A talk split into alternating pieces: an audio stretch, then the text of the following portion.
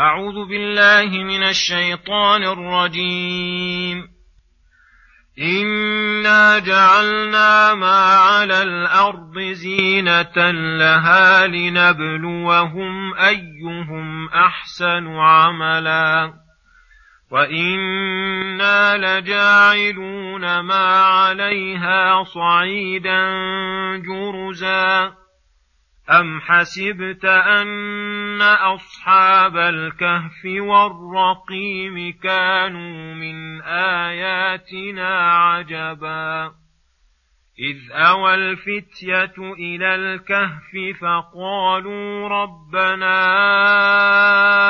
آتنا من لدنك رحمة وهيئ لنا من أمرنا رشدا فضربنا على آذانهم في الكهف سنين عددا ثم بعثناهم لنعلم أي الحزبين أحصى لما لبثوا أمدا.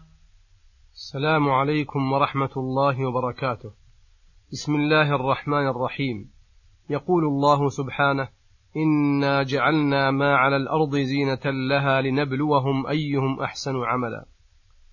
يخبر تعالى أنه جعل جميع ما على وجه الأرض من مآكل لذيذة ومشارب وملابس طيبة وأشجار وأنهار وزروع وثمار ومناظر بهيجة ورياض أنيقة وأصوات شجية وصور مليحة وذهب وفضة وخيل وإبل ونحوها.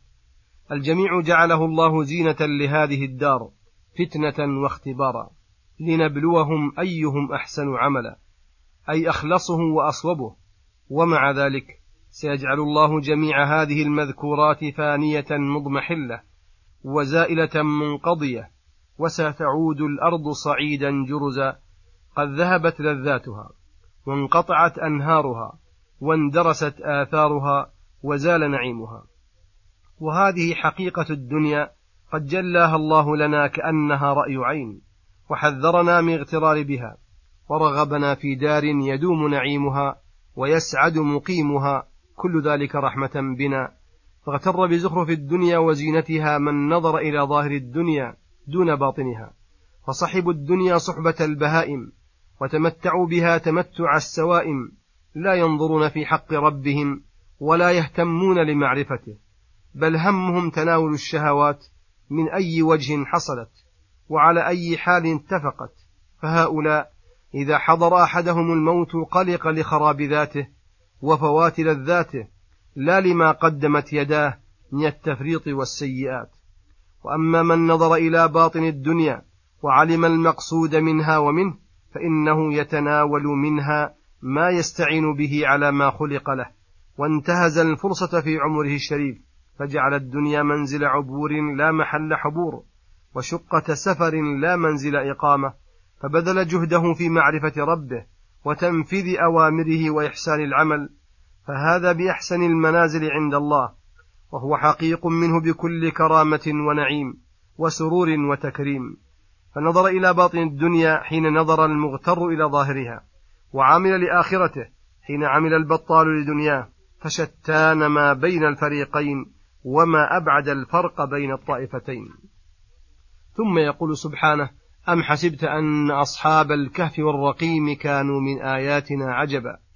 وهذا استفهام بمعنى النفي والنهي أي لا تظن أن قصة أصحاب الكهف وما جرى لهم غريبة على آيات الله وبديعة في, وبديعة في حكمته وأنه لا نظير لها ولا مجانس لها بل لله تعالى من الآيات العجيبة الغريبة ما هو كثير من جنس آياته في أصحاب الكهف وأعظم منها.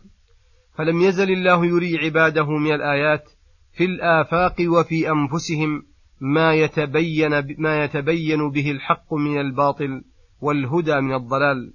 وليس المراد بهذا النفي أن تكون قصة أصحاب قصة أصحاب الكهف من العجائب بل هي من آيات الله العجيبة.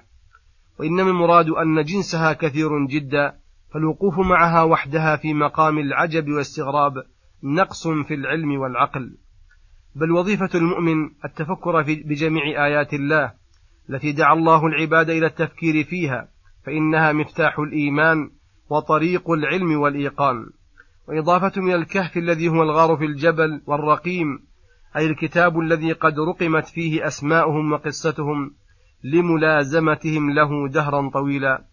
ثم ذكر قصتهم مجملة وفصلها بعد ذلك فقال إذ أوى الفتية أي الشباب إلى الكهف يريدون بذلك التحصن والتحرز من فتنة قومهم لهم فقالوا ربنا آتنا من لدنك رحمة أي تثبتنا بها وتحفظنا من الشر وتوفقنا للخير وهيئ لنا من أمرنا رشدا أي يسر لنا كل سبب موصل إلى الرشد وأصلح لنا أمر ديننا ودنيانا. فجمعوا بين السعي والفرار من الفتنة إلى محل يمكن استخفاء فيه وبين تضرعهم وسؤالهم لله تيسير أمورهم وسؤالهم لله وسؤالهم لله تيسير أمورهم وعدم اتكالهم على أنفسهم وعلى الخلق فلذلك استجاب الله دعاءهم وقيض لهم ما لم يكن في حسابهم قال فضربنا على آذانهم في الكهف أي أنمناهم سنين عددا وهي ثلاثمائة سنة وتسع سنين وفي النوم مذكور حفظ لقلوبهم من الاضطراب والخوف وحفظ لهم من قومهم ثم بعثناهم أي من نومهم لنعلم أي الحزبين أحصى لما لبثوا أمدا. أي لنعلم أيهم أحصى لمقدار مدتهم كما قال تعالى وكذلك بعثناهم ليتساءلوا بينهم الآية وفي العلم بمقدار لبثهم ضبط للحساب ومعرفة لكمال قدرة الله تعالى وحكمته ورحمته. فلو استمروا على نومهم لم يحصل اطلاع على شيء من ذلك من قصتهم. وصلى الله وسلم على نبينا محمد وعلى آله وصحبه أجمعين. وإلى الحلقة القادمة غدا إن شاء الله. السلام عليكم ورحمة الله وبركاته.